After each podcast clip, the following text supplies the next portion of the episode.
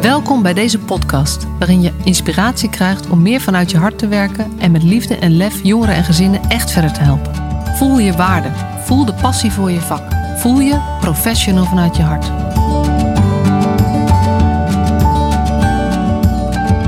Welkom weer bij deze nieuwe aflevering en vandaag mag ik in gesprek met Nurchan Akora. Maar ik bedenk me nu dat ik niet eens weet of ik je naam goed uitspreek. Ja, perfect. Dus de eerste keer oh, eigenlijk, is... ja, een van de weinige keren dat iemand mijn naam gelijk al goed uitspreekt. Oké, okay, dus nou, dat, is...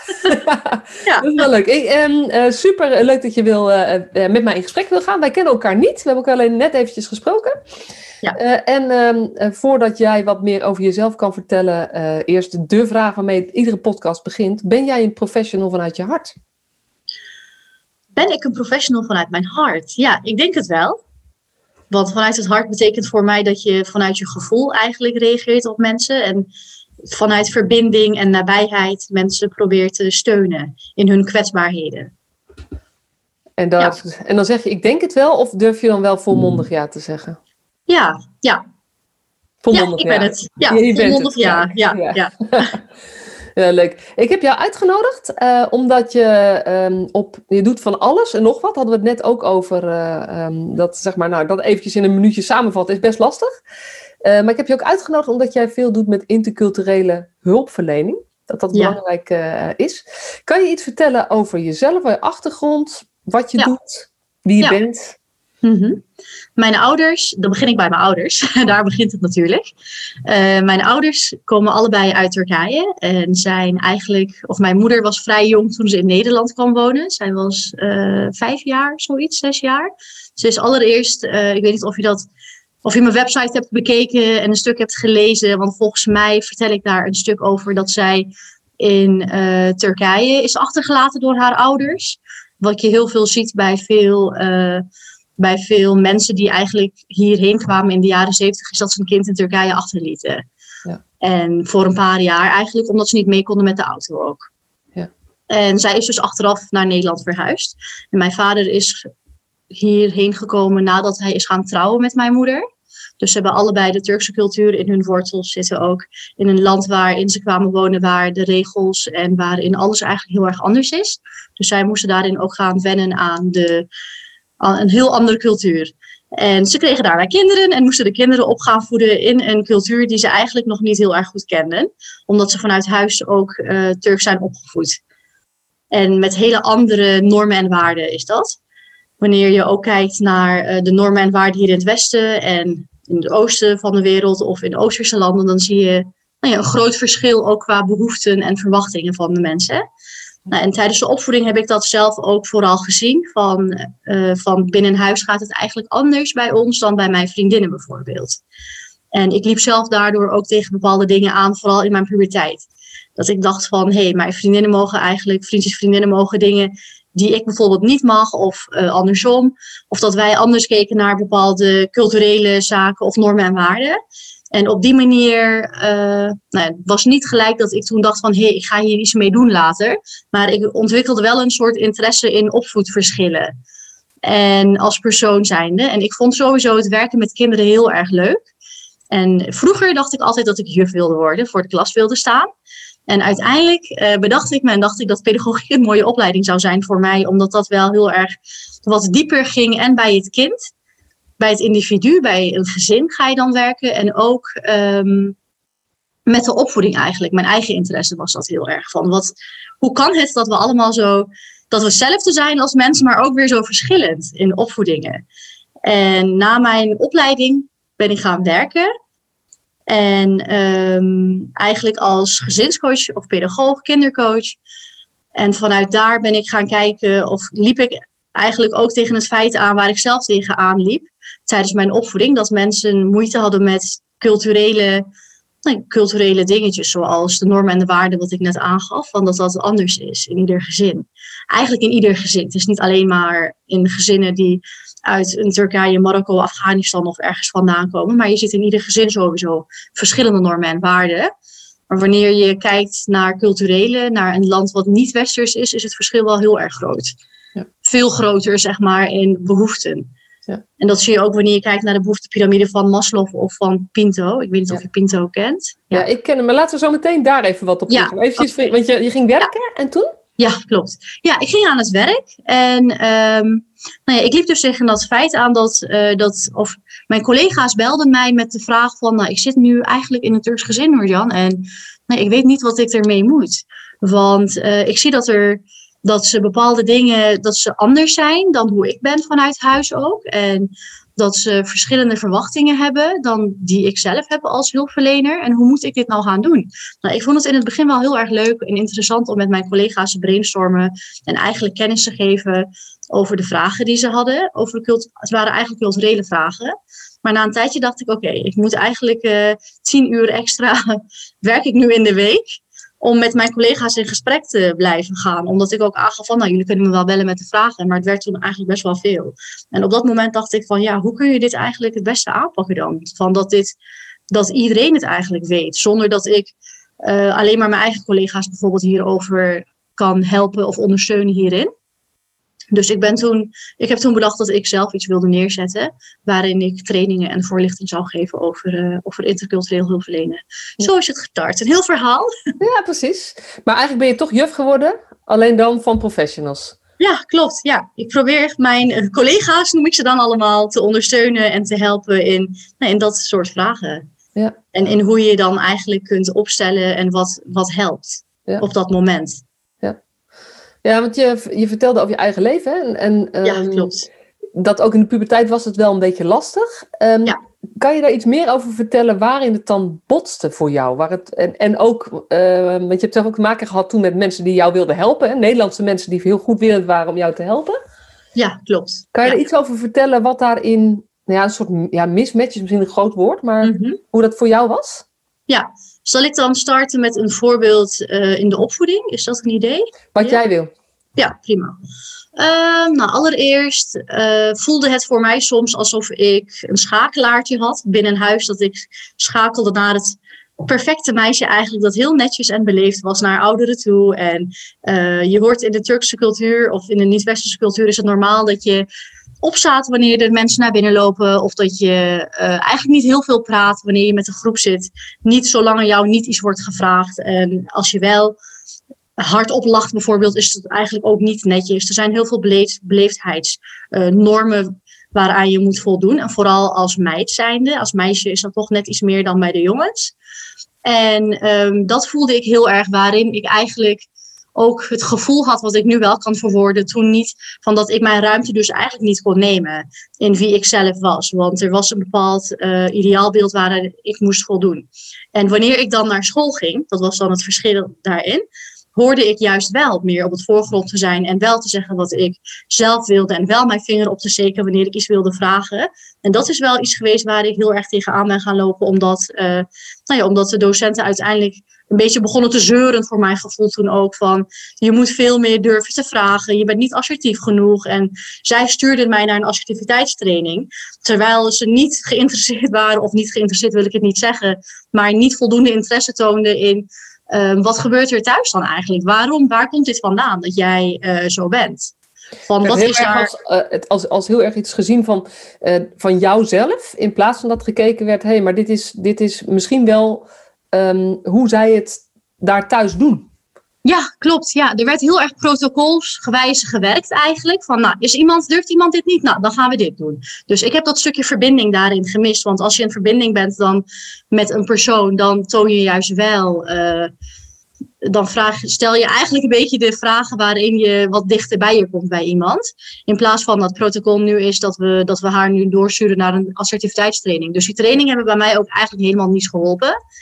Nee, Want, dan wordt het eigenlijk heel gedragsmatig aangepakt. Je doet dit niet, oké, dan gaan we je dat gedrag leren. En wat voor vraag had je dan bijvoorbeeld willen krijgen? Uh, ik denk dat de vraag uh, van hoe gaat het of waarom nou ja, zo, niet zozeer waarom. Ik weet niet of ik daarop kan, had kunnen antwoorden op dat moment. Maar wel meer dat er interesse werd getoond in van... hé, hey, hoe is het eigenlijk ontstaan? En dat de hulpverlener dan op dat moment wel weet hoe hij een vraag moet stellen. Uiteindelijk ben ik ook uh, bij naar de school maatschappelijk werkster was het doorverwezen. En met haar ging ik dan wel veel in gesprek. En dat was wel een persoon die, uh, nee, die wel, wel wat meer vanuit verbinding te werk ging. En zij gaf wel uiteindelijk aan van, nou weet je, je bent binnenkort 18 en we wonen in Nederland. En dat houdt in dat jij dan hier naar je eigen keuzes mag maken en je mag het gewoon op je eigen manier doen. En toen voelde ik me ook eigenlijk ongehoord. Ik zeg het woordje ook, omdat ik dat daarvoor dus ook een paar keer had gehad. En ik wist zelf ook niet precies hoe ik het moest verwoorden. En ik zat zelf al in een identiteitscrisis eigenlijk van wie ben ik dan nou eigenlijk? Hoor ik daarbij of daarbij? Van ik heb twee persoonlijkheden ontwikkeld. Zo voelt het voor mij, buitenhuis en binnenhuis. Ja. Omdat ik toch buitenhuis wel heel hard aan het werk was om daarin verder te komen. Ja. En ja, dat is eigenlijk een beetje zo over dit stuk. Ja, precies. En dan gaat het ook over, over de verwachtingen die er thuis zijn, zijn zo anders dan de verwachtingen die, uh, die de Nederlandse maatschappij aan je stelt, zeg maar. De, ja, klopt. Dat ja. met, met elkaar. En, en ik zei al eventjes, het gaat over ik of over wij, zeg maar. Want ja, als je het hebt over de piramides van Maslow en Pinto. Ja. Ik ken ze, maar ik denk dat niet iedereen die hier naar luistert uh, kent. Pinto is een...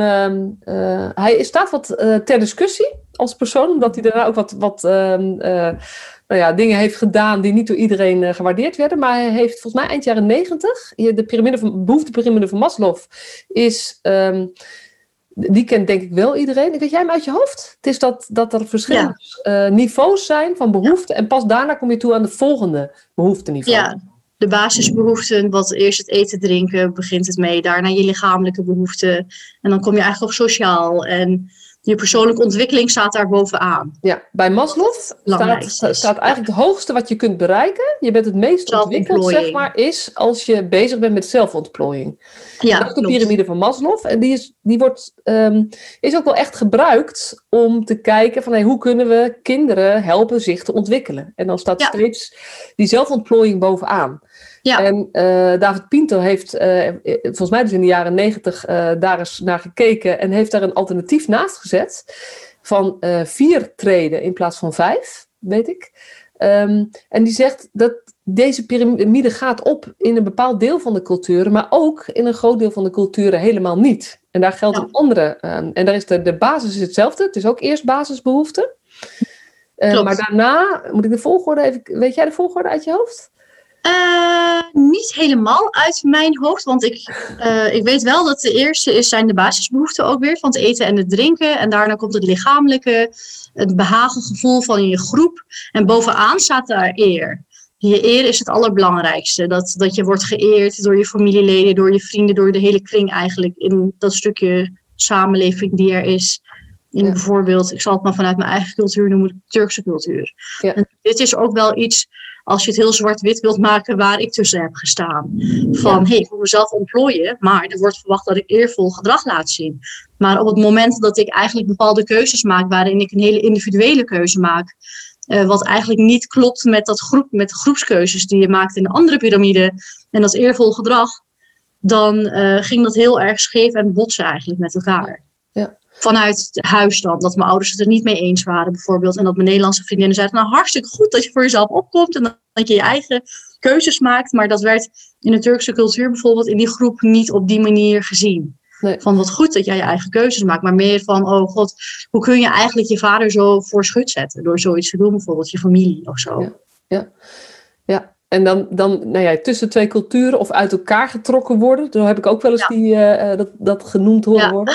Dat je Ja, echt, het is echt een identiteitsvraagstuk. En Ja, ehm, klopt. ik herken dat ook uit mijn werk, zeg maar. Ook de voorbeelden die komen. Ik heb ook met, met Mhm. AMV'ers bijvoorbeeld gewerkt. Oh ja. Maar niet zelf mee gewerkt, maar wel Oh. eh, training gegeven aan die professionals. En dan Mhm. had ik ook een heel mooi voorbeeld. ehm, dat gebruik ik heel vaak over een, een groep Eritrese jongeren die samen in één huis woonden. Nog niet zo lang in Nederland. En daar was schade in dat huis. Ja. En eh, dat was geloof ik een brandblusser die was afgegaan of whatever. In ieder geval, het kostte geld. En dan gaat het over de vergelijking. Wat zou er gebeuren als er vier Nederlandse jongeren in dat huis wonen met dit probleem? En als er vier, in dit geval Eritrese of Syrische jongeren in één huis wonen met dit probleem. En dat bij de Nederlandse jongeren, als er schade is, dan gaan ze echt wel zeggen: ja, weet je, hij heeft het gedaan, dus hij moet betalen. Ja. Want het is individueel, dit. Ehm, eh, hij heeft het gedaan en ik ga echt niet betalen voor de ander. Mhm. Wel in deze situatie, die vier, dit is een, een serieus gebeurde eh, situatie. Die vier, jo- vier jongeren, voor hen was het belangrijker om elkaar niet te verlinken. Dus zij Ja. hebben dit samen gedragen, die kosten. En, ja, ik herken het. En hier botst het heel erg in met wat wij verwachten. Wij Hollanders, hè? Want ik ben, daar ben ik toch, dan ben ik toch echt een echte Hollander. Wat wij verwachten in hoe jongeren of hoe ouders redeneren, dat is gewoon anders. Ja, klopt. Want, ja. nou, mijn box gaat uit. Want uh, um, uh, wij redeneren uiteindelijk, ja, maar je gaat toch eerlijk, wij vinden eerlijkheid belangrijker dan eer. Ja. En in die groep was, weet je, je gaat echt niet iemand verlinken of hem verplichten om te zeggen dat hij iets gedaan heeft. Mm -hmm. um, dus dit voorbeeld vind ik altijd wel heel treffend. Ja, uh, het is ook een voorbeeld die ik wel herken bij de Eritrese jongeren. Ik heb er zelf ook een paar jaar mee gewerkt als aanveer. Dus ik ken het. Ik weet hoe hecht ze ook zijn. En dat is ook wel heel erg vergelijkbaar met eigenlijk de cultuur waar ik dan uitkom. Ja. Uh, vandaan kom, mijn wortels heb, hoe je het ook, kunt, hoe je het ook wilt noemen. Ja, uh, ja dat, dat, dat die saamhorigheid, die is er ook wel heel erg. Je kunt er ook op die, als ik het op die manier bekijk, is het, um, nou ja, ook het stukje, het komt eigenlijk heel erg uit saamhorigheid, denk ik. Van dat we zijn samen en je gaat niet in je eentje voor iets boeten bijvoorbeeld, maar we doen het dan met z'n allen samen. Ja. En je bent wel heel erg samen. Dat zijn wel echt de mooie kanten van de cultuur, vind ik. Ja. Het is net als, um, nou ja, even afwijkend van het onderwerp, uh, de Eritrese jongeren, van als er iemand, als er een sterfgeval is of wat dan ook, je staat er niet alleen voor. Eigenlijk ga je kook je 40 dagen lang niet, wordt er voor je gekookt door iedereen en alles. En ze houden wel met elkaar uh, contact ook daarin. Ja. En dat is wel heel fijn. Dat zijn wel hele fijne, ja. mooie dingen. Dat je echt, ja. bent niet eenzaam. dat ben je nee, sowieso. Precies. Nee, en dat is als je, als je, ik zal in de, heet show notes geloof ik. In mijn beschrijving bij de podcast zal ik een link zetten naar ook Maslow en Pinto. Voor mensen die het interessant vinden. Want het is wel goed om daar eens naar te kijken en te laten door te laten denken van hey, wat betekent dat nou?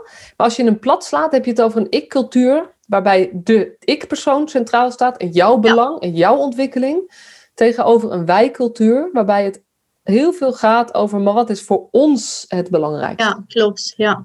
Dat is ook een hele mooie waarin ik ook uh, personen begeleid.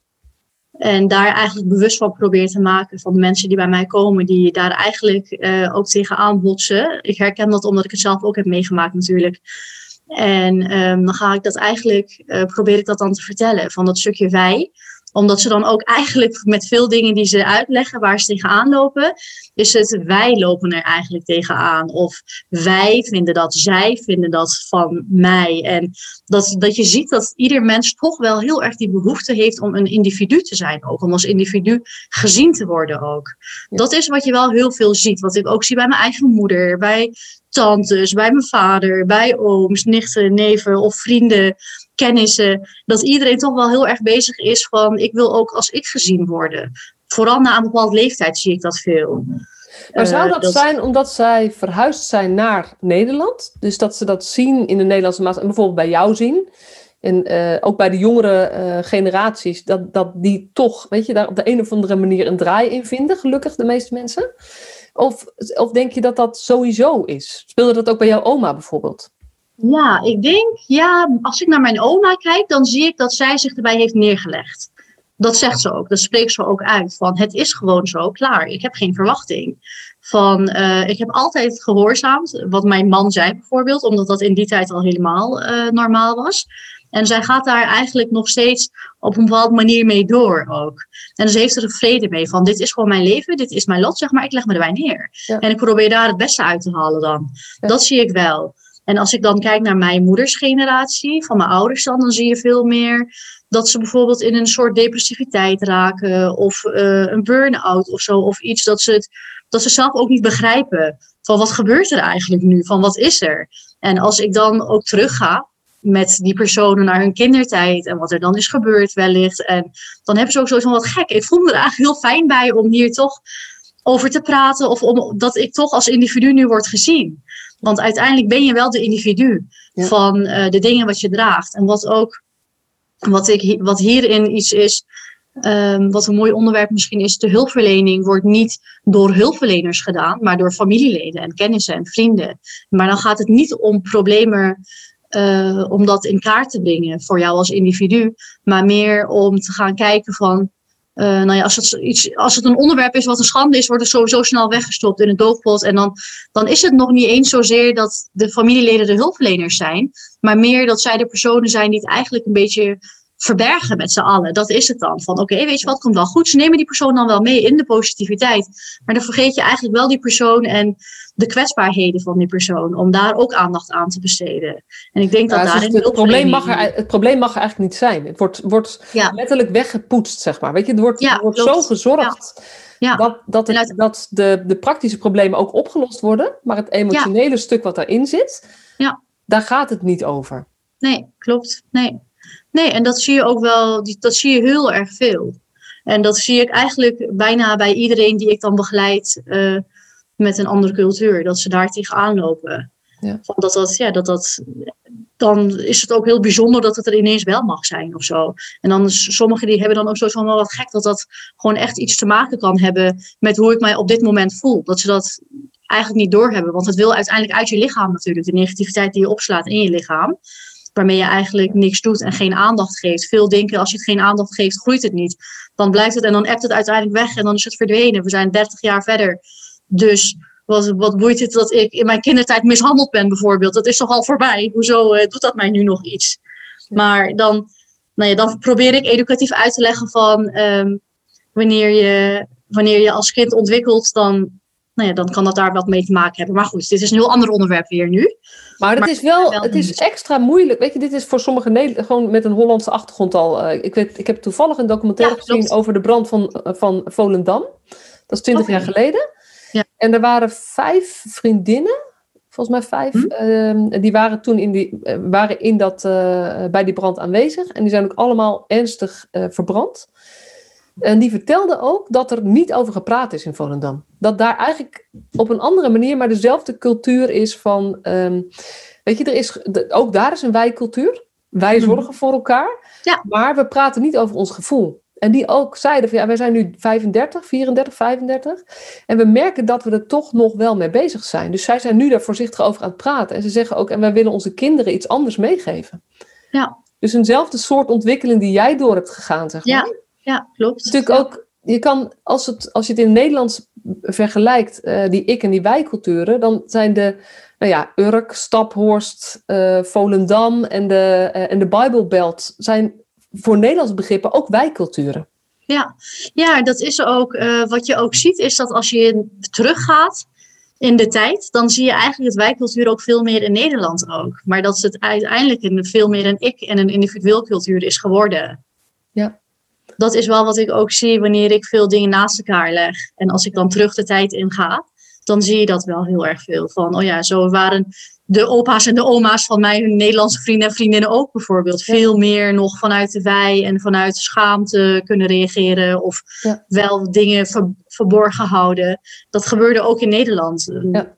Niet de vuile was buiten houden. is niet voor niks ook een uitdrukking bij ons. Ja, ja. klopt. Ja. dat gebeurde hier ook zeker. Ja. Maar het heeft ook die andere, want het heeft echt wel die twee kanten. Hè? Want het is um, niet de vuile was buiten hangen. Dat, is, dat heeft natuurlijk een negatief effect, vaak uiteindelijk voor het individu. Maar het je gedragen weten en onderdeel zijn van een groep en, en um, dat er ook voor je gezorgd wordt, dat is ook weer het positieve stukje. Ja, Want het is ook wel weer dat, dat verbaast mij altijd wel. Als je kijkt nu met, met nou ja, we zitten midden in corona natuurlijk. En dat er mhm. overal de, het bericht wat gegeven moet worden aan ons als maatschappij, aan individuen, is: kijk ook om naar je buren. Ja. Dat moet ons verteld worden in plaats van dat dat gebeurt. Ja, klopt. En dat is natuurlijk een, dat is de andere kant van dat, van dat meer individueel gericht en meer oog voor het individu, is dat het ook heel egocentrisch kan worden. Ja, ik denk ook dat beide culturen, als we het zwart-wit maken, ehm, allebei positieve en negatieve kanten heeft. Ja. Uh, zoals, nou ja, dat wat jij nu zegt, dat wij of dat Nederlanders eraan herinnerd moeten worden om voor elkaar te gaan zorgen ook, omdat ze wat individueler zijn. En um, als ik dat dan naar de, in de wijkcultuur gebeurt dat natuurlijk veel meer. Dat je ook gaat koken voor je buren. Of wanneer mijn ouders barbecue kregen de buren het ook. Omdat ze sowieso hadden van ja, nou die mensen ruiken het. En die vinden het waarschijnlijk ook heel lekker. Dus wij gaan gewoon langs met borden langs alle buren. Dat, ik weet nog dat we dat altijd deden. vroeger, toen ik nog thuis woonde, dat ik dat ook meekreeg. Ja. En hoe doe jij dat nu? Want jij bent, weet je, je hebt daarmee geworsteld. Nou, je bent nu ja. uh, uh, hopelijk daar grotendeels uit. Je hebt daar een, een nieuwe ja, vorm gevonden voor jezelf. Maar hoe doe jij dat nu? Wat voor dingen heb je meegenomen vanuit huis? En, en voel je je nu, voel je je Turks? Voel je je Nederlands? Voel je je...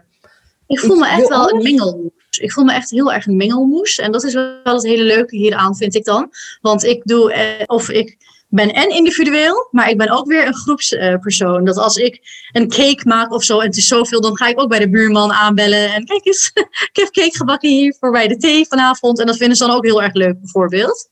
En ja, dat sowieso. Maar ook uh, dat stukje individueel is dan, even kijken of ik daar een voorbeeld van kan bedenken. Zo.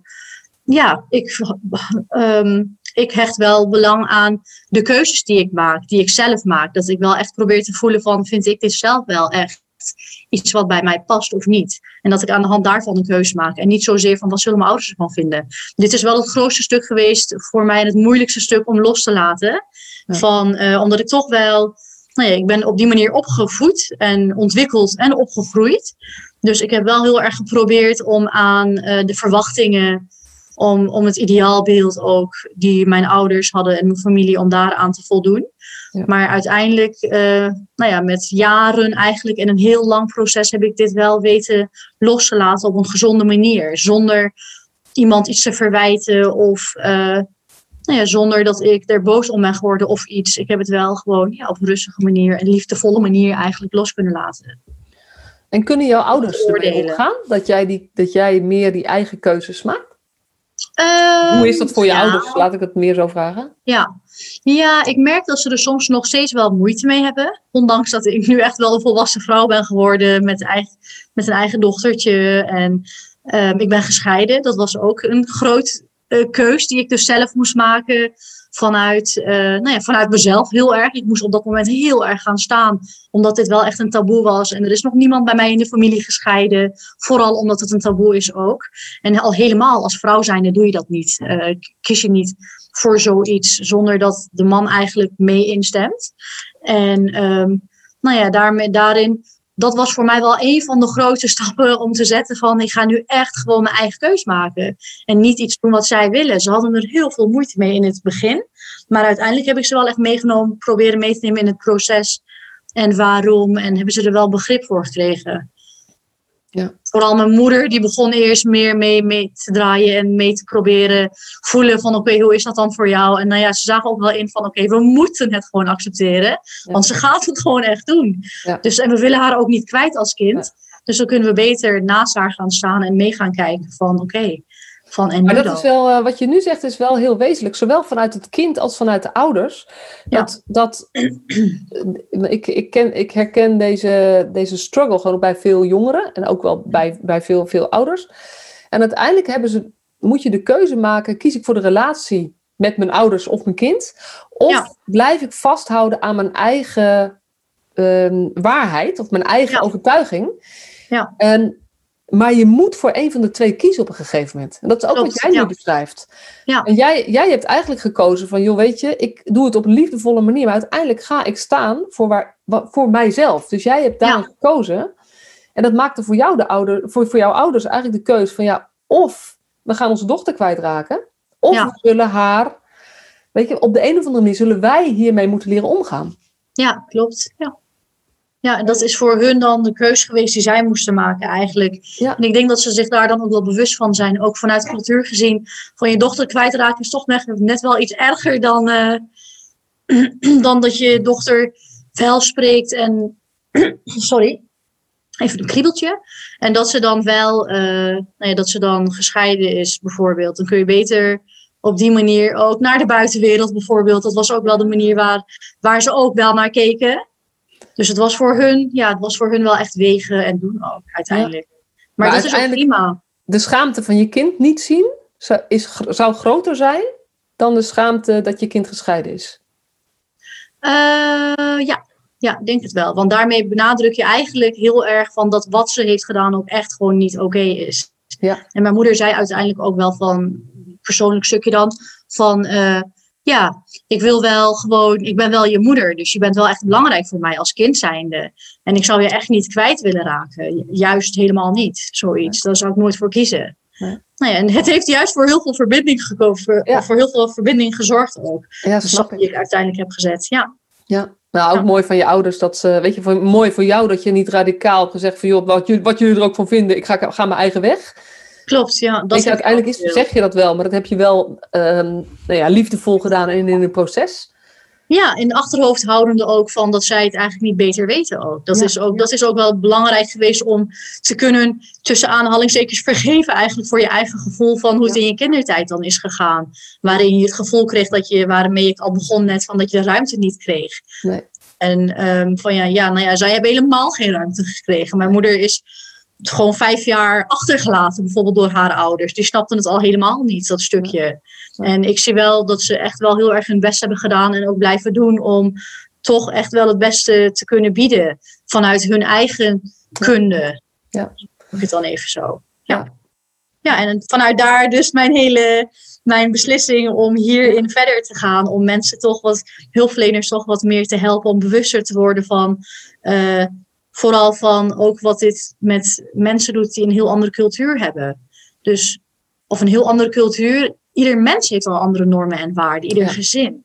Dus het is al heel bewust, of het is al heel erg uh, mooi als je als hulpverlener bewust bent van jezelf. En wat voor, wat voor invloeden jij als persoon hebt in de hulpverlening. En, dat, en in de cultuur is dat vooral zo. Ja, het gaat heel erg over. Um, in mijn boek staat een, uh, uh, staat een tekeningetje van twee poppetjes. Mhm. Ehm, en dat je uh, hoofd tot hoofd kunt communiceren of hart tot hart. En dat als je zeg maar oh, echt beweging wil krijgen, zul je van hart tot hart moeten communiceren. Maar er staan twee muurtjes tussen.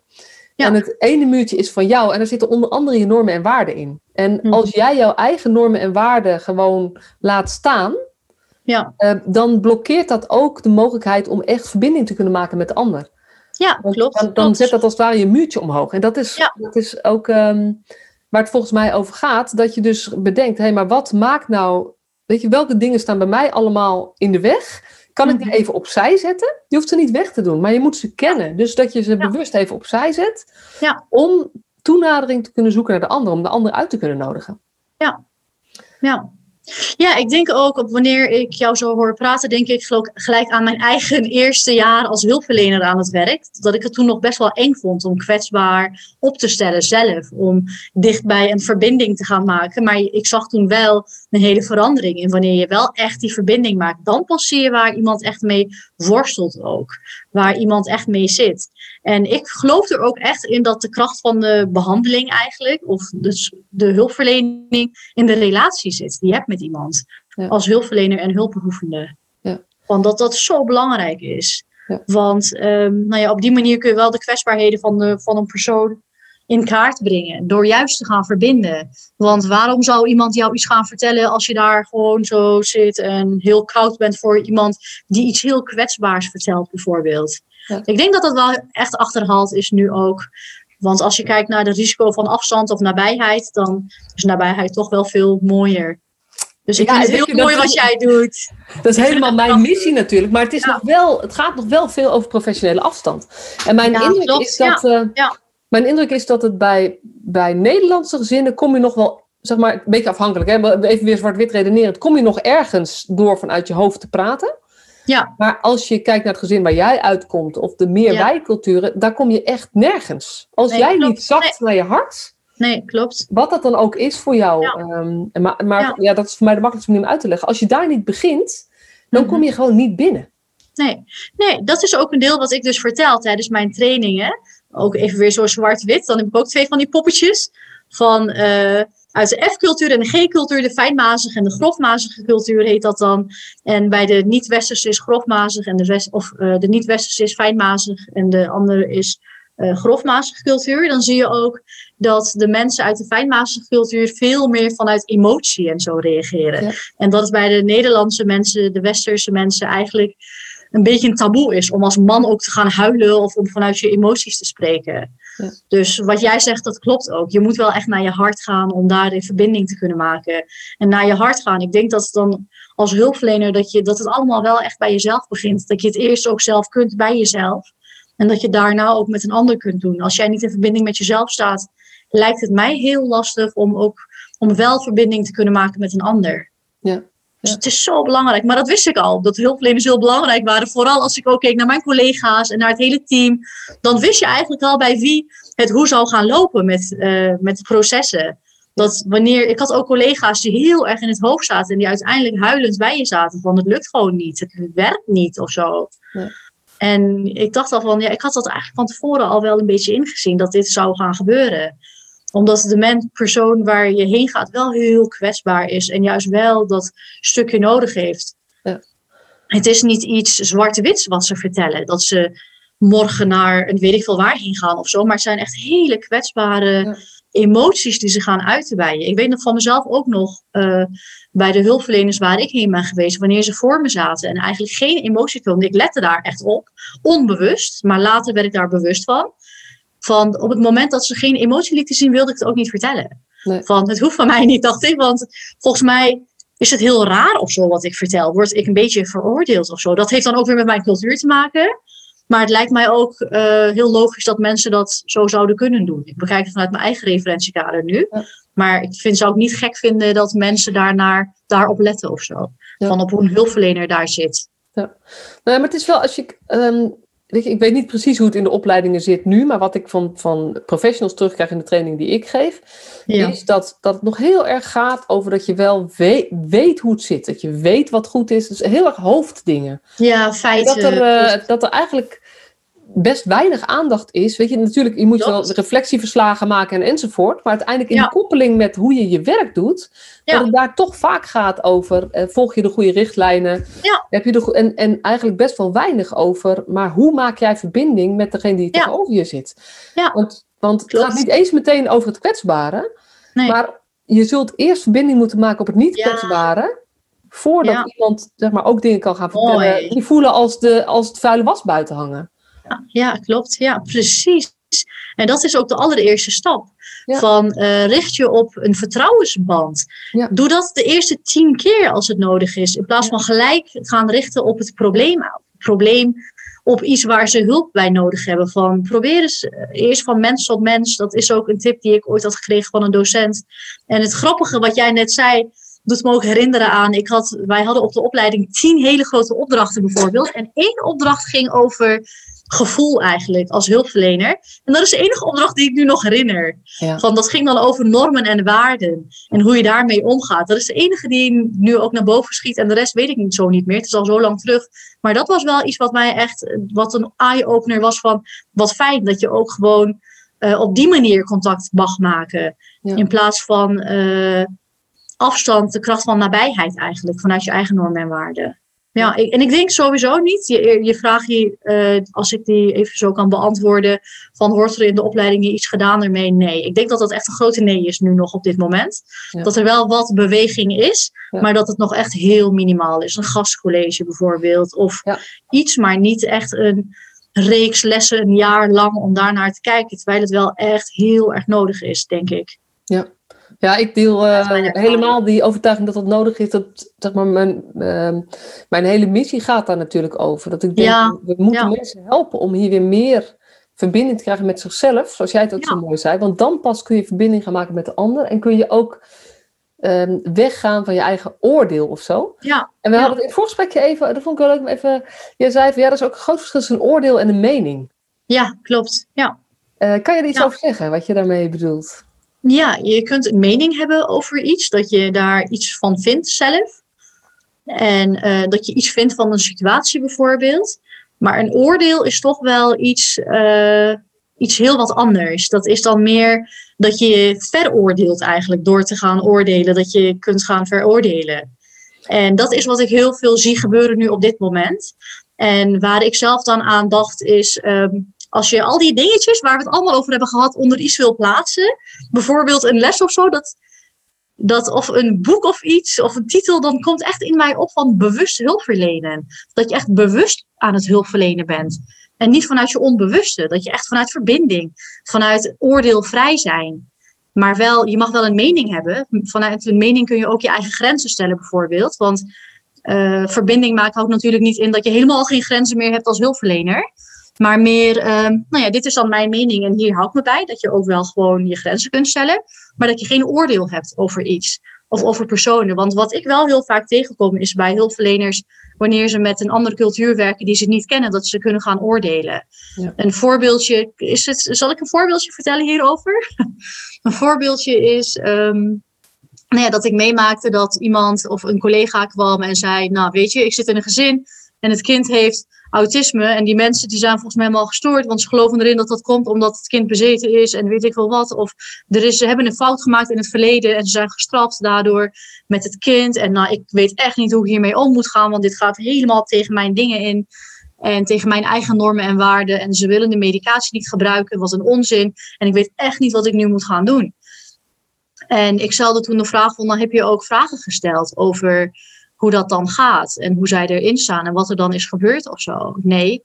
En ik dacht, nou, misschien is dat wel een eerste stap die je kunt gaan doen. Dat je echt oprechte interesse gaat tonen zonder dat je gaat oordelen. Je kunt wel een mening hebben die je dan ook verwerkt daarin van, nou weet je, uh, nou ja, niet dat ik op die manier dan het advies geef van wat ze letterlijk moeten gaan zeggen. Maar wel, uh, nou ja, nadat je oprechte interesse toont, kun je ook zeggen wat jij eigenlijk ervan vindt bijvoorbeeld. En daarin een middenweg gaan zoeken samen. Vanuit verbinding dus weer. Het woordje verbinding komt wel steeds terug natuurlijk. Maar dat is wel echt het woord. Ik hou van dat woord. Oh, dat is helemaal niet erg. Sommigen sommige hebben er een allergie voor, hoor ik. In 2020 nu van, nou, dat woordje verbinding uh, hebben we vaak genoeg gehoord nu. Maar dan denk ik, dat komt volgens mij omdat je nog heel erg in je hoofd zit. Dat je die verbinding zelf nog niet hebt.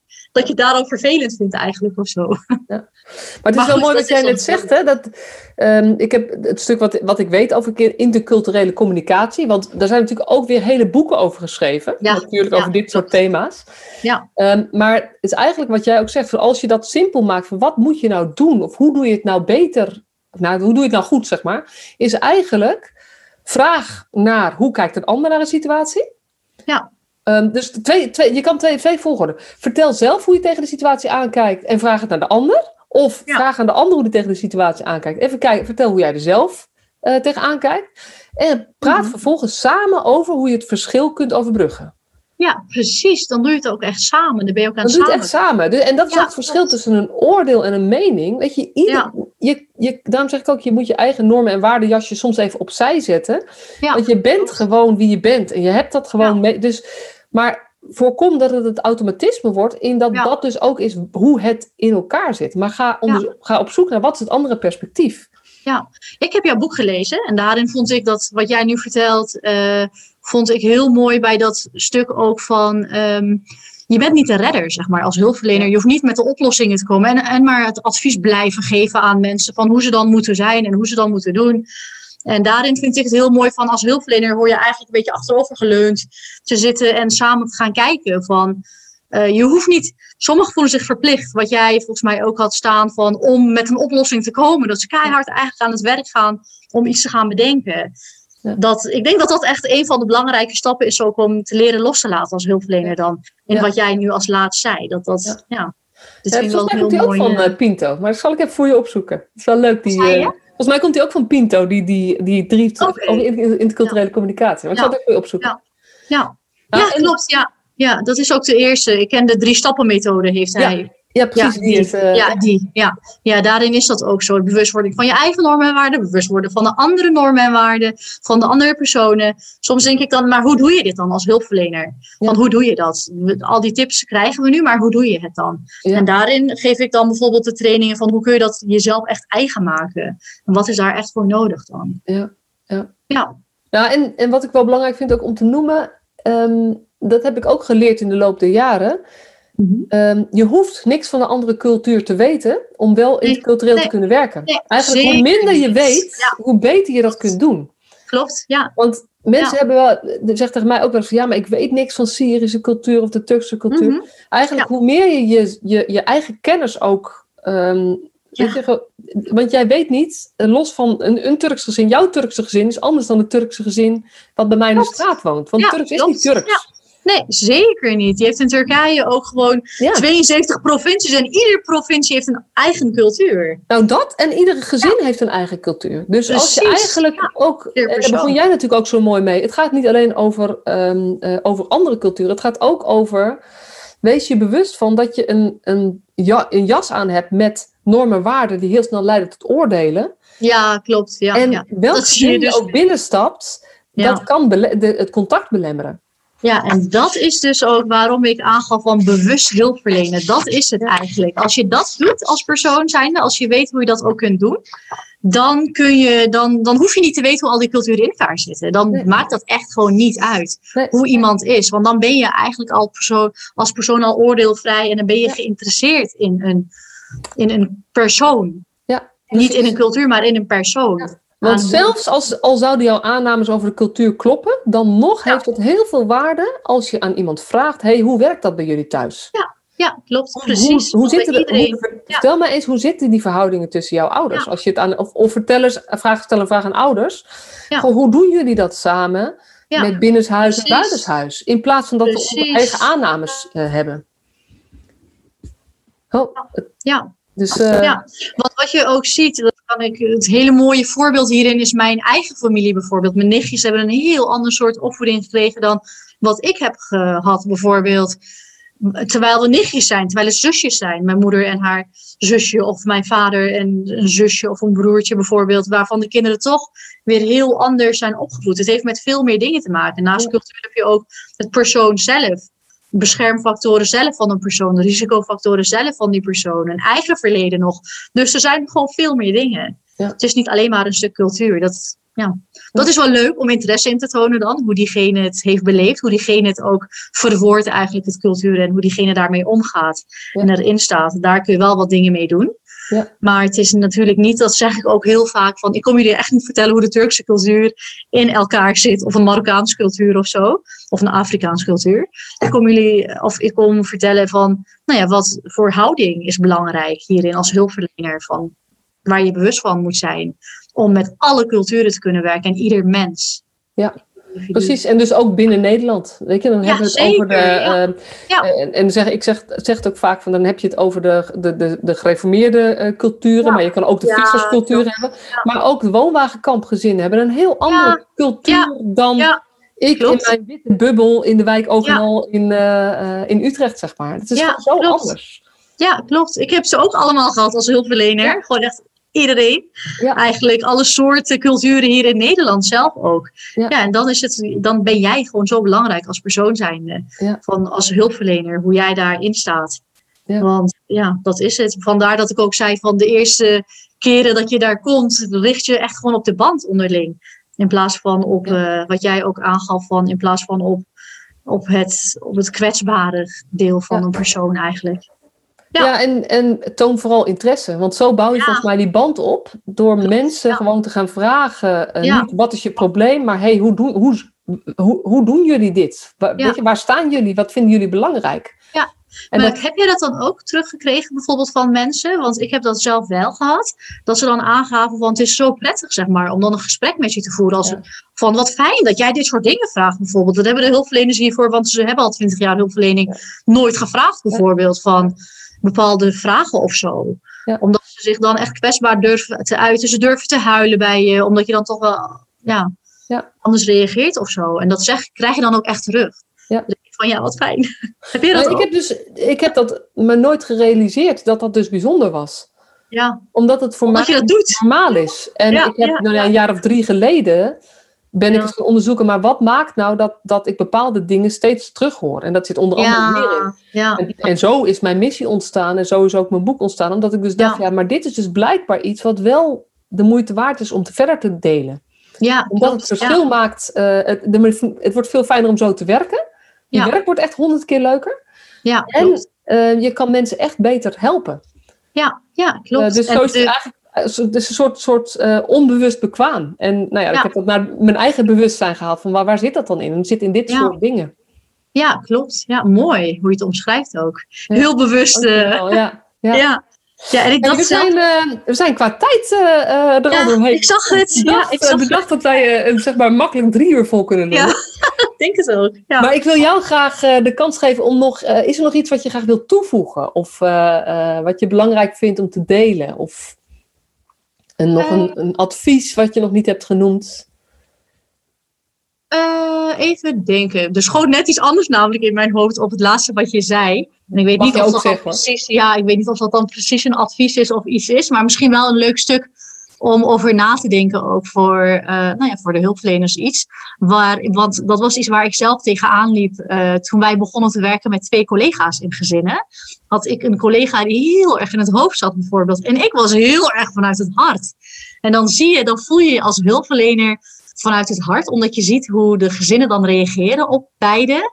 Ik begon mij schuldig te voelen tegenover mijn collega van, oei, je wordt, er wordt bijna eigenlijk een keus gemaakt voor degene die op dat moment vanuit het hart werkt, omdat hij wel verbinding maakt, dan de persoon die dat niet doet, terwijl je wel dan samen collega's bent. Hoe ga je daar dan mee om als collega zijnde samen?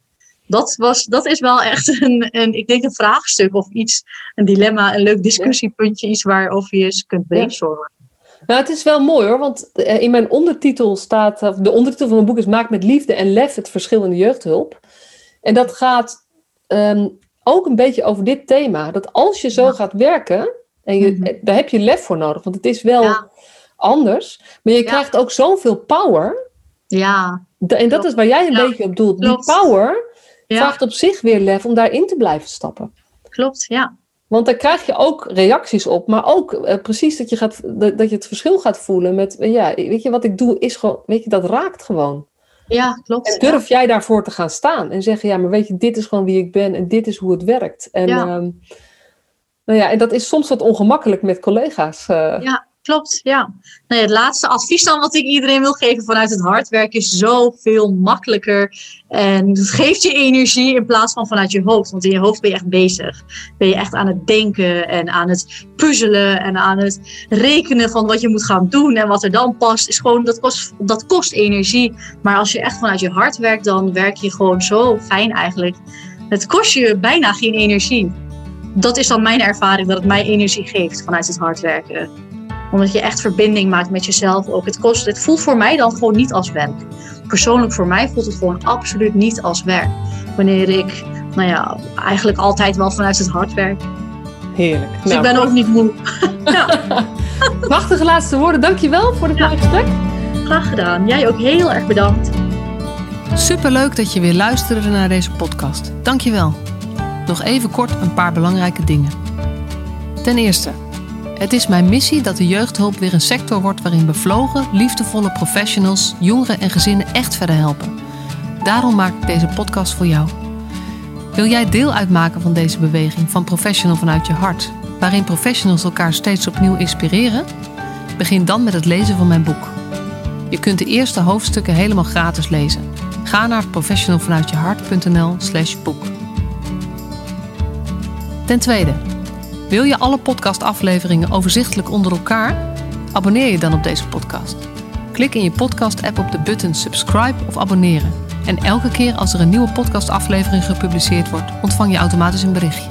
Ten derde, ondersteun je mijn missie? Geef me dan een review via je podcast-app, bijvoorbeeld iTunes of Spotify. Op die manier kan ik nog meer professionals bereiken. En ken je een collega voor wie deze podcast ook interessant is? Dan zou het super zijn als je hem of haar de podcastaflevering doorstuurt. Bijvoorbeeld door de link te kopiëren via Spotify. Ik vind het altijd heel leuk om berichtjes te ontvangen van luisteraars om te horen wat je van een podcast vindt, of als je misschien vragen of suggesties hebt. Of als een aflevering je een bepaald inzicht heeft gegeven of er iets in beweging is gekomen. Stuur me dan even een berichtje op masha.professionalvanuitjehart.nl via de website of stuur me een connectieverzoek op LinkedIn.